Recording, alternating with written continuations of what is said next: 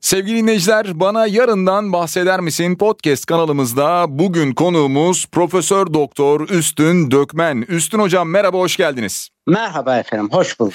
Hocam çok zor dönemler içerisinden geçiyoruz. Bir süredir bu dönemleri yaşadık, alıştık belki de yavaş yavaş ama insanı özellikle bu içinde bulunmuş olduğu belirsizlikler ve gelecek kaygısı zaten endişelendirirken bir de üzerine bu koronavirüs ve pandemi nedeniyle bu kaygı biraz daha arttı. Belki daha da çok arttı. Önümüzü göremediğimiz hatta böyle kötü, kötümser, pesimist bakış açısına sahip olduğumuz bu dönemleri size göre nasıl atlatabiliriz?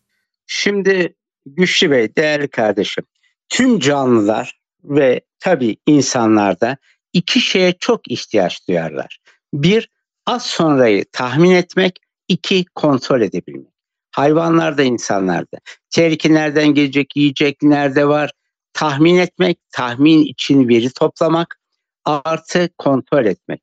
Şimdi zaten yıllardır, bu yeni değil, bir belirsizlik bayağı vardı. Mesela ülkemizde işsizlik vardı. Üniversiteli genç bitirdim. İşe girecek miyim kaygısını taşıyordu. Girebilirim, giremem. Bir belirsizlik vardı orada. İş bulur muyum? Nasıl evlenirim? Bütün bunlar büyük soru işaretleriydi.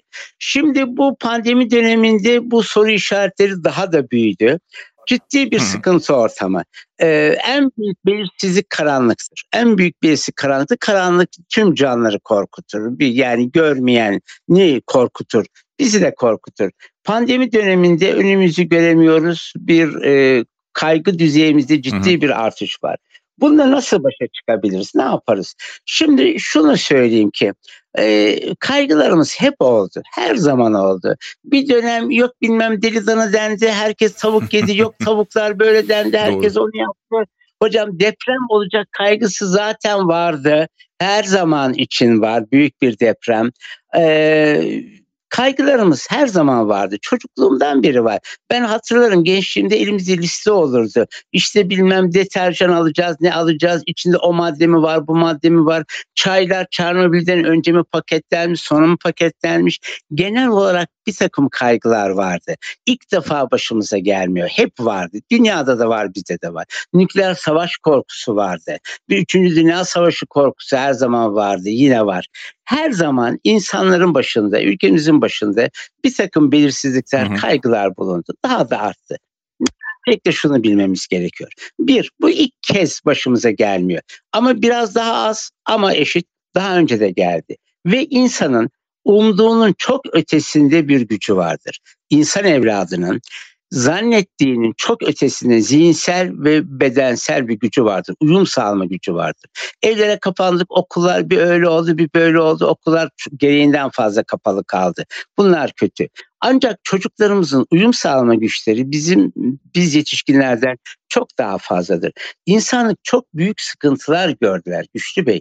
Birinci Dünya Savaşı'nda, İkinci Dünya Savaşı'nda bir yıl aynı siperde kalan asker vardı ve oradan sağlam çıkanlar var. Orası yemek yediği yer, siper, yemek yediği yer, savaştığı yer, efendim uyuduğu yer, bir de evet. tuvaletini yaptığı yer. Öyle tuvalet gideyim komutanım yok. Hocam bir yıl orada kalınır mı? bu bu insan delirir kalamaz filan deniyordu. Bazıları hakikaten derin ruhsal problemlere girdi. Ama bazıları oradan sağlam çıktı. Leningrad hep söylerim 900 gün 2. Dünya Savaşı'nda Nazi muhasarası altında kaldı. Kalesi de yok, teslim olmadı. Orada şu şekilde başa çıktı insanlar Güçlü Bey.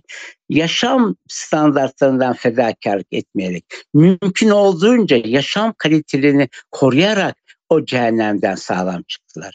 900 günlük Leningrad Muharebesi sıra muhasarası sırasında Shostakovich 7. senfonisini besteledi. 7. senfoni ve opera Leningrad'da önceden belirlenen tarihlerin tümünde akşam hmm. perde açtı. Bu müthiş bir şeydir. Yaşam standartından vazgeçmemek. Ee, Ömer Seyfettin askerdi yaşamının başlangıcında. Ee, Balkanlarda eşkıya takibinde. Geceleri çadırın içinde e, ufacık bir mumla roman okuyordu. Gelibolu Savaşı'nda Yarbay Mustafa Kemal bir de komuta e, karargahları yerin altında, yer üstünde imkansız.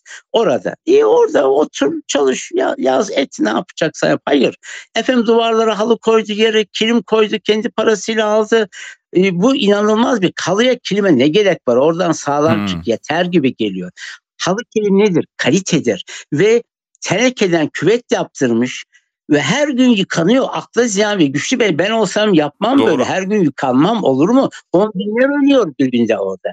Hocam burada e, çatal bıçakla yenecek. Hocam bıçağa gerek yok. Et yok. Menüde et yok. Gelibolu menüsünü Hı. herkes biliyor. Hocam Gelibolu menüsünde et diye bir şey yok. Şekersiz üzüm hoşafı var. Şimdi nedir? Yaşam kalitesinden fedakarlık etmiyor. Yaşam kalitesinden fedakarlık etmeyen kişi o cehennemden sağlam çıkıyor, muzaffer çıkıyor. Bu e, şeyde de e, St. Petersburg'da da böyle efendim Balkan dağlarında da böyle Gelibolu'da da büyük taarruzdan önceki bir haftada başkomutan roman okumuştur geceleri çalı kuşunu okuyor. Şimdi ilk tavsiyem şu ilk yapılabilecek şu e, somut olarak yapabileceğimiz yaşam kalitemizden fedakarlık etmemek. Korkmayın bu da geçer. Bunlar anlamsız sözler. Efendim işte böyle şöyle ol, böyle ol, sabır göster. Sabır hmm. çok anlamsız bir şey. Niye gösterdin Fakat yaşam kalitemizden fedakarlık etmeli. Kapandık. Bakın bu şey geçecektir güçlü kardeşim. Bu kriz geçecektir. Bitmeyen salgın yok. Bu da bitecektir. Ancak 3 seneye 5 seneye yeni salgınlar başlayabilir. Şu an dünya nüfusunun yüzde kırkının kırkının yüzde evinde lavabo, musluk, tuvalet yok. E demek ki bu dünya daha evet. çok pandemi görecek demektir. Bu olur. Peki ne yapacağız? Bir hafta daha eve kapanabiliriz. Geçmişte kapandık. Yaşam kalitemizden vazgeçmeyeceğiz. Bütün gün yetişkinler olarak evin içinde pijamayla dolaşmayacağız. E efendim bir gömlek, tişört, şort bir şey giyeceğiz. Bu çocuklara da büyük bir problem yok. Biz bunun üstesinden geliriz mesajını vermektir. Biz bunun üstesinden geleceğiz. Efendim kıyafetimiz, yemeğimiz devam ediyoruz. Kıyamet koptu gibi yaşamaya başlarsak kıyamet kopar. Malta 4 ay müthiş Nazi bombardımanda kaldı 2. Dünya Savaşı'nda. Yeraltı sığınaklarına girdiler. Çok az zayiat verdiler. Yer altında her hali ufak bir oda. Eski maden ocakları var. Şimdi yeni girildi. Daha yeni girildi oraya. Bakıyorsun bir kısmının zemini toprak. E normal. Bir kısmı tutmuş fayans kaplamış. Benim odam demiş. Fayanslar da yeşil ve mavi. Akdeniz'in mavisi ormanların yeşili. Adam orada korku içinde titreyerek sığınakla öne bakarken yeşil ve mavi fayans görüyor. Yaşam kalitesinden hastalıkta da olabilir. Önemli hastalıklar geçiriyor insanlar. Bir hastalıkta, bir salgında, bir savaş sırasında elden geldiğince yaşam kalitesini bırakmamak o stresli ortamla baş etmek için çok önemli bir araçtır, çok önemli bir dayanaktır. Öncelikle bunu yapmalıyız. Bilgi sahibi olmalıyız. Allah aşkına pozitif bilime önem vermeliyiz. Bilime genellikle kulak asmayan argo deyimli bilim kulak arkası eden kişiler doktor maske tak ya bir şey olmaz bana bir şey olmaz diyor. Aynısını hep dedik bakın trafikte kemer evet. tak diyor değil mi? Ya bana bir şey olmaz gerek yok. İşçiye baret tak inşa ya bir şey olmaz bana bir şey olmaz. Hocam ya aynı şey maskede de bana bir şey olmaz boş ver hekimler mühendisler öyle derler. Hocam bilene saygı göstermemek, pozitif bilim erbabına saygı göstermemek. Çoğunluk bir kısmı en azından halkımızın kime saygı gösterir? Dedeye. Dede. Dede her şeyi bilir. Dede bilir. Dede de kimler öğrendi? O da dedesinin dedesinden öğrendi. Dedem derse takarım bareti. Dede baret tak demiyor. O zaman takmak gerekmiyor. Hocam geleneklerin peşinden gitmekten kurtulup hocam güzel geleneklerimizi tabii ki sürdürelim. Ama bana bir şey olmaz geleneği zararlı bir gelenek. Gelenek gereksiz geleneklerden kurtulup pozitif bilimin ışığında yürümek daima önümüzü aydınlatacak. Peki Üstün Hocam şimdi şunu soracağım aslında bilimden, bilim insanlarından Buyurun. siz bahsedince bilim insanları bir defa halen daha tedbire devam diyorlar. Maskeye devam, mesafeye devam, evet. işte hijyene devam. Fakat insanlarda bir tedbir yorgunluğu gözlemliyoruz. Artık insanlar mesafeleri kaldırıp el sıkışmak, sarılmak, öpüşmek istiyor. Bu arada şunu da anladım ki ben yani temas bizler için çok önemli bir iletişim yoluymuş. Peki bu tedbir yorgunlarına, kendini böyle hissedenlere neler önerirsiniz? Hocam şimdi bir tedbir yorgunluğu olabilir. Bir tedbir yorgunluğu olabilir. Ancak tedbirin gerekli olduğuna bilimsel kafaya sahip olup da bilimsel bilim bilim adamı olmak şart değil. Bilim insanı olmamız şart değil. Bilimsel muhakemeye sahip olup da e, genellikle tedbir alan kişi tedbir yorgunluğuna düşmez. Bu tedbir yorgunluğu benim çocukluğumdan beri vardı. Bakın ben küçükkendi. Ta çocukken kaç yıl önce hocam yarım asır önce ne dediler? Sokakta gördüğün çiğ köfteyi o nedir marula sarıyor veriyor. Onu yeme dediler. Hmm. Hocam yeme dediler. Herhangi bir yerde bir su gördün. Her gördüğün musluğa elini dayayıp da içme dediler. İçilen su var, içilmeyen su var. Her zaman tedbirli olmak zorundaydık. Ben küçükken 11 yaşında sarılık oldum. Hocam yani ne dediler bize hep? E, ellerini yıka dediler ellerimizi yıkamamız. Evet. Bu tedbir her zaman için vardı. Trafikte her zaman gerekliydi. Küçükken bize ne öğrettiler? Önce dur hatırlayayım. Önce soluna karşıya geçmek için. Önce soluna. Sonra sağa sonra tekrar sola bakacaksın. Hocam günde kaç kere karşıdan karşıya geçecek? Eskiden bu kadar ışık da yoktu. Benim çocukluğumda böyle ışık yoktu Güçlü Bey. Ee, evet. Arabaların sinyali de yoktu. Şoför elini sallardı sağ, e, sola döneceğim diye. Sağa dönecekse yanındaki elini sallardı. Şimdi çok arttı bunlar. Fakat bu ışıkların yaya geçitlerinin bulunmadığı dönemde de trafikte sürekli tedbirli olmak zorundayız. Yani bu tedbir her zaman var. Aslan ormanda, geyik ormanda her zaman tedbirli yürür. Bu ilk defa başımıza gelmiyor. Nedir? Efendim çok yakın durmayacağız, birbirimizi öpmeyeceğiz. Efendim dokunmak çok önemli. Bakın dokunmak çok önemli. Bir bebeğe çok iyi bakabilirsiniz. Bazen bakım evlerinde olur. Çok iyi bakılır, beslenir, aşı falan tamam. Ama kucağa alıp sevmiyorsanız kollarında yaralar olur. Malcolm X yaraları olur. Bebek kaç? 6 hmm. aylık, 8 aylık. Hocam dokunacaksınız. E, Doktor Spitz bunu bulmuştur. Kimin dokunduğu önemli değil anne, kadın hemşire, erkek bakıcı bu önemli değil. Birisi günde belli miktar çok uzun da değil. Bebeği alıp şöyle bir oynadı mı, salladı mı, koluna bacağına sırtına dokundu mu e, bu çocuğa iyi geliyor. E, sütten, mamadan aldığı mineralleri vücut absorbe ediyor, sindirebiliyor. Hmm. Dokunmak gerekli kesinlikle. Fakat küçükken küçükken fiziksel dokunmak çok önemli. Küçükken dış aferin önemlidir. Size aferin vermeseler siz bugünkü başarılı kariyerinize gelemezsiniz. Güzel bir konuşma sesiniz, güzel Türkçeniz var. Küçükken birileri size dışarıdan aferin dedi ki siz bu kıvama geldiniz. Fakat yaş büyüdükçe hmm. artık her saat başı birilerinin dışarıdan aferin vermesi gerekmiyor. Dış aferin yerini iç aferin almalı. Çocuk küçükken fiziksel temas şart. Yoksa kolunda yara çıkıyor. Ben size söyleyeyim. Hiç hemen çıkıyor. Hmm. Şimdi küçükken dokunacağız. Efendim 4 yaşında 5 yaşında bağrımızı alacağız, basacağız, sarılacağız. Fakat birader mübarek 40 yaşına gelmiş. Hala çocukluktaki kadar sarılmak gerekiyorsa bunda bir geri kalmışlık var. Şimdi dokunma önce dış dokunma. Eyvallah küçükken. Fakat büyümeye başladı. Bir mektup eskiden, bir telefon. Hocam dokunmanın şekli vardır dokunmak önemlidir ama mesela bir mesaj da bir dokunmadır. Uzakta e, ufak bir emoji falan göndermek başlangıçta tuhaf geldi emoji ama şimdi alıştık iyi geliyor. Onun için sadece e, bu dokunma mahrumiyeti e, e, çok da önemli değil. Biz milletçe daha çok dokunuruz bakın. E, hanımefendiler, kadınlar kocalarının yakasından hiç olmayan, görülmeyen kılları alırlar. Kıl filan yok. Şöyle bir yakasını talıp bir yapar. Bence bu erkek üzerindeki mülkiyet hakkının etrafa duyurulması. Ama bu benim kocam diyor. Yakası güzel. Evet. Kravat düzgün. Olsun bir daha düzeltiyor. Hocam şimdi bu dokunmak bize iyi geliyor. Hepimize iyi geliyor. Fakat Yetişkin olduğumuzda belli durumda bu dokunmanın azalması gerekiyor. Selamla dokun. Şimdi biz hiç bir araya sizinle gelmedik. El ele de sıkmıyoruz. Ama siz bana demin dokundunuz, selam verdiniz. Ben de size dokunuyorum. Bu bana alttan alta iyi geliyor. Size de iyi geliyor. Değerli izleyicilerimize iyi, iyi geliyordu. Hocam hepsini kucaklıyorum, sarılıyorum. Hocam belli durumlarda tedbirli olmamız gerekiyor. Olay budur. Ağır hastalığa yakalanıyor insanlar. Kemoterapi oluyor diyelim. Maskeyle dolaşıyorlar. Niye? E, virüse karşı duyarlı. Çevrenin de ona karşı duyarlı olması gerekiyor. Hocam onun için bu pandemi dönemi yoksunluğu bu tarihte ilk defa başımıza gelen bir şeydi. Pandemi geçtikten sonra zaten dikkatli olmanız. Şunu anladık mı Güçlü Bey? Meğer biz çok fazla öpüşüyormuşuzdur. Birbirlerimizi evet. sarılır. Ve meğer biz pastaların üstüne çok üflüyormuşuz. Gözünü severim. Hocam ben çocukluğumda mı? Üfledik. Kıyamet gibi çıkıp gidiyor. Evet, Hocam sarılık evet. mı gidiyor? Ne gidiyor bilmiyorum. Demek ki pastanın üstündeki mumu e, yani havada filan tutup üflemek gerekiyormuş. Yeni davranış kalıpları gerekiyor. Artık, Artık ellerimizle söndürüyoruz. Ellerimizle rüzgar yapıp. Hocam bravo. Mesela bir tedbir. Evet bir tedbir.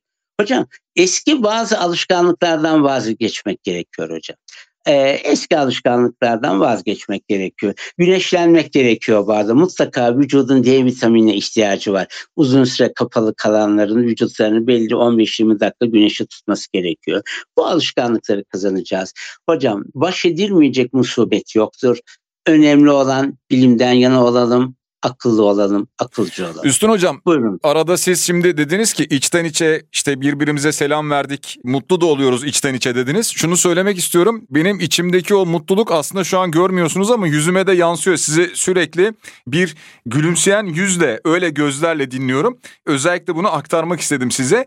Şimdi şunu soracağım. Buyurun. Aslında çoğumuz bu dönem içerisinde konfor alanlarından da uzaklaşmak zorunda kaldık. İşte aile hayatında, eğitimde, iş yaşantısı bunlar bunlardan olumsuz etkilendi.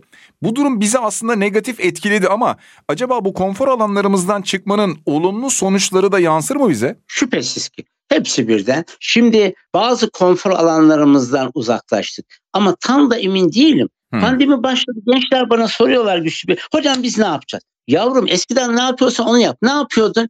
habire çıkıp arkadaşlarla parkta buluşuyor muydun? Yok. Habire işte sahada maç yapıyor muydun? Yok. Ne yapıyordun? Cep telefonu, internetin başında habire evet. tıklıyorduk.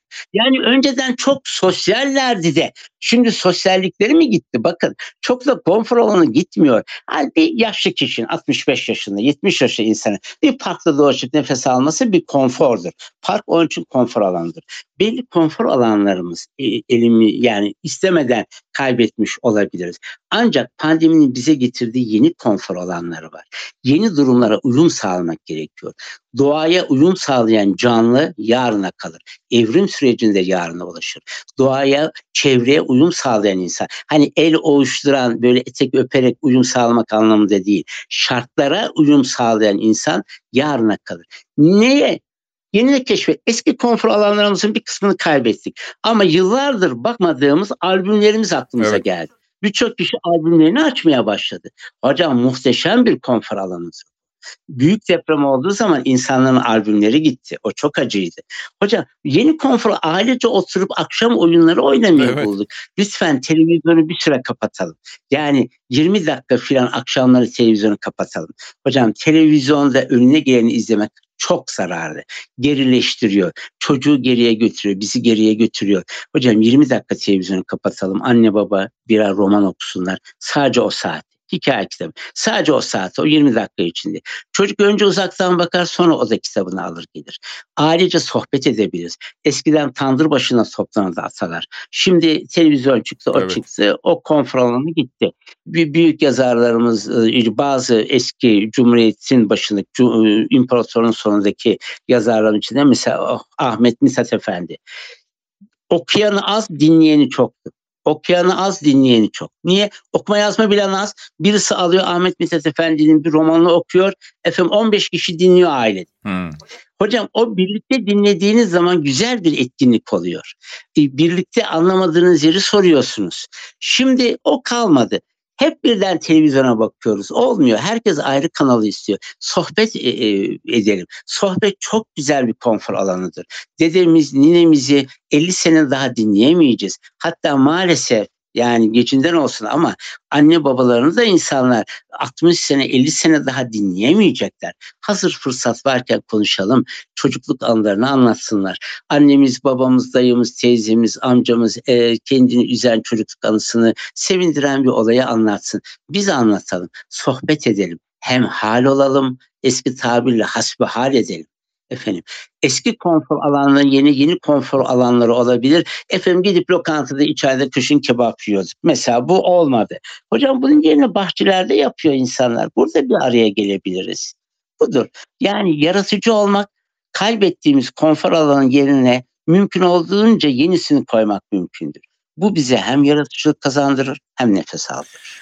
Üstün hocam siz anlatırken işte bu verdiğiniz örnekler konfor alanlarına ilişkin örnekler aklıma şunu da getirdi. Bir yandan herkesin aslında istediği bir şey var. Kime sorsak insanlar tabii mutlu olmak istediklerini söylüyorlar. Ama mutlu olmak ne anlama geliyor? Şimdi bu mesela biraz önce bahsettiğiniz arkadaşlarla buluşmak, bir yere yemeğe gitmek veya işte bir yere tatile gitmek. Bunlar anlık hazlar mı? Bunların bütünü mü? Genel bir akış hali mi? Nedir mutlu olmak?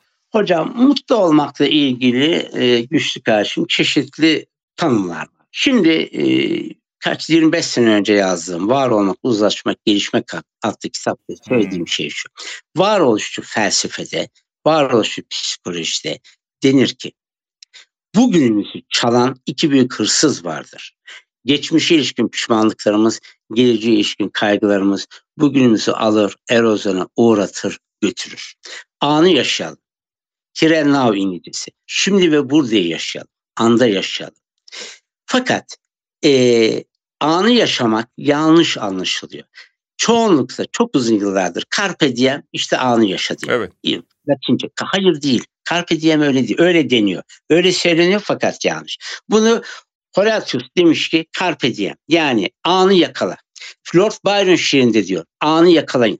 Şimdi anı yakala demek varoluşçu felsefe anlamında anın tadını çıkar demek değil. Yarını düşünme, ölümü düşünme. Bir gün öleceğim. Boş ver ya. O zaman düşünürsün. Ee, öleceğim deme. Yarın ne olacak? İki gün sonra başıma ne gelecek diye düşünme. Bu gecenin tadını çıkar. Ye iç. Vur patlasın çal oynasın. Eski Roma'da ne yapıyorlardı? Anı yaşıyorlardı. Carpe diem. 30 çeşit yemek yaptırıyor. Dünyanın dört bir yanında aşçıları Roma'ya toplamış. Yiyor yiyor yiyor artık yiyemiyor. Ee, tavuk telini, kuş tüyünü bazına sokuyor. Ö öğürüyor, kusuyor. Uh, tekrar yemeye devam ediyor. Evet. Anı yaşıyor. Biz bunu anı yaşamak saymıyoruz. Anı yakalamak, anlık hazların peşinden koşmak demek değil. Anı yaşamak, anı yaşamak, anlık hazların peşinden koşmak demek değil.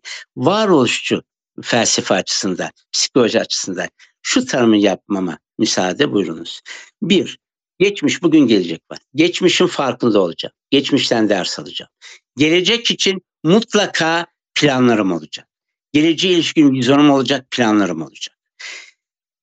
Geçmişin geleceğin farkındayım. Ancak şu anı yaşamaktan da keyif alacağım. Şu anda sizinle telefonun başında şu anda bulunuyor olduğumu fark edeceğim ve bundan keyif alacağım. Hmm. Bu anı yaşamaktır. Bu anı yaşamak. Anlık hazlar yok. Yani anlık hazlar hocam yani bazen bir bardak buz gibi su içersiniz. Oh çok güzel. E bitti. Ne oldu? Hocam e, varoluşu yaşamak demek.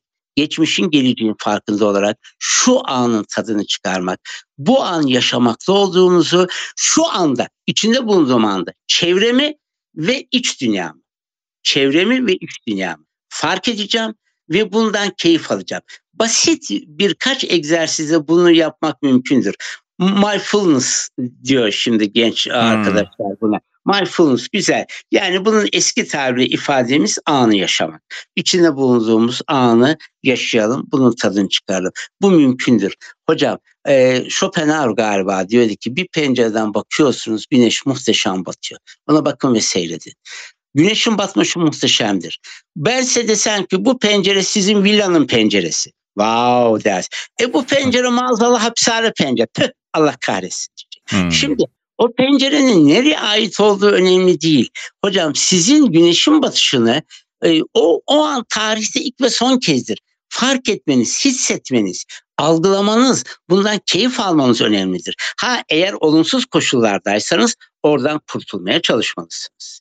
Hastane odasındaysanız hastane odasının penceresinden manzarayı görüyorsanız bir an önce iyileşmeye çalışmalısınız. Ama sizin ancak sizin e, izlediğiniz manzara, sizin izlediğiniz manzara pencerenin kendisiyle alakalı değildir.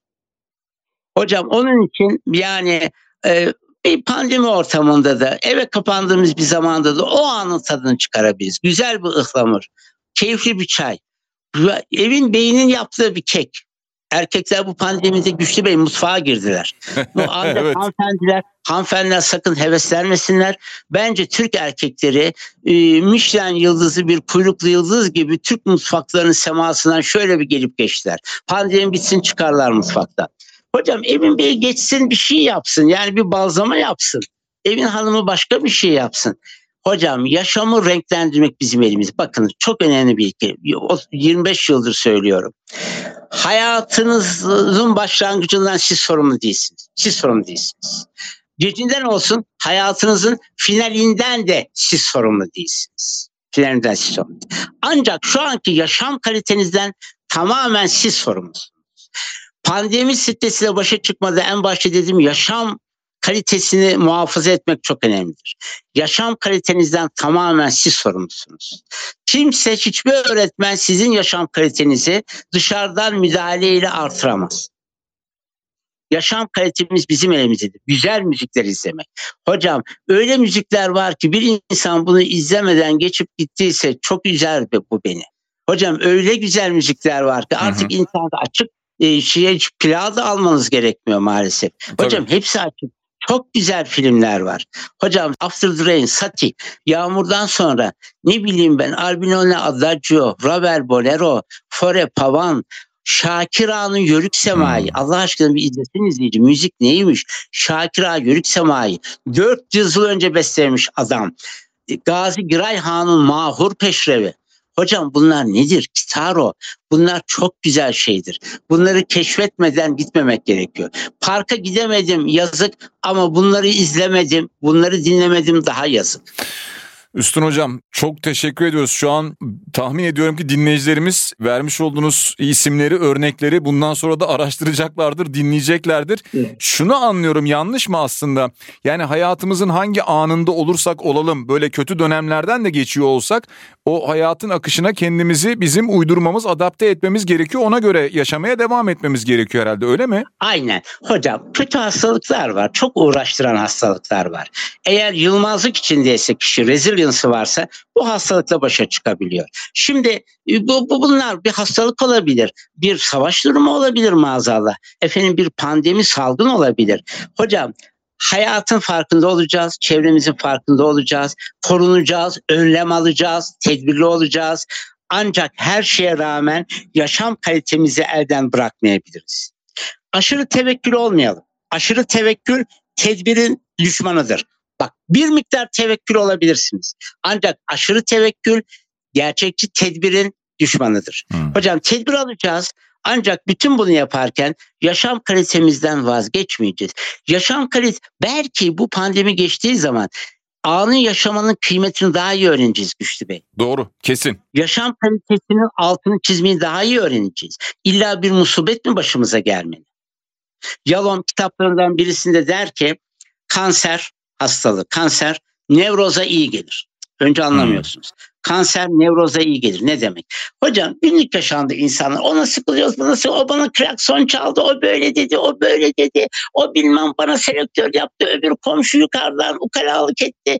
Hocam bin tane şeye sıkılıyoruz. Bugünümüzü alıp erozyona uğratıp götürüyor. Ama insanlar kanser gibi benzeri önemli bir hastalığa yakalanınca ıı, artık büyük çoğunluğu iyileşiyor. Eskiden öyle değil. Lösemiden 60 yılında yüzde 15 hayatta kalıyordu. Şimdi yüzde yüze yakını, yüzde 95 ve üstü çok şükür evet. hayatta kalıyor. İnşallah yüzde yüz olacaktır. Hocam böyle ağır bir hastalığa yetişkin yakalandığı zaman iyi olduğunda başlıyor. Bana selektör yap, boş ver diyor. Korna çal, Allah'ını seversen bırak git. Doğru. Yani ne kornası. Hocam komşu bana kaşını aman. Hocam e, kendi kendimizi provoke edip üzüyoruz. Başı Arnavut atasözü akıl külahta bir çividir. Yumruk yemeden başa girmez demiş Arnavut kardeşim. İlla başımıza bir musibet geliyor. Anam yaşamın tadını çıkarmaya başlıyor. Hocam biz de bu pandemiden sonra bazılarımız yaşamın tadını daha iyi çıkaracağız hocam. Pandemi ortamında eve kapanarak yaşamın tadını çıkarmak mümkündür. Anı yaşamak mümkündür. Pandemiden sonra hiçbir somut problem yokken de yaşamın tadını çıkarmak mümkündür. Hocam yani ne yaparsan yap 90 sene 100 sene en çok ömrünüz. 150 yapamazsınız bugünkü şartlarda. Hocam bu 80-90 seneyi uzatamazsınız ama kalitesini artırabilirsiniz. Yani miktar açısından yaşamınızı uzatamazsınız çok fazla. Biraz uzatırsın.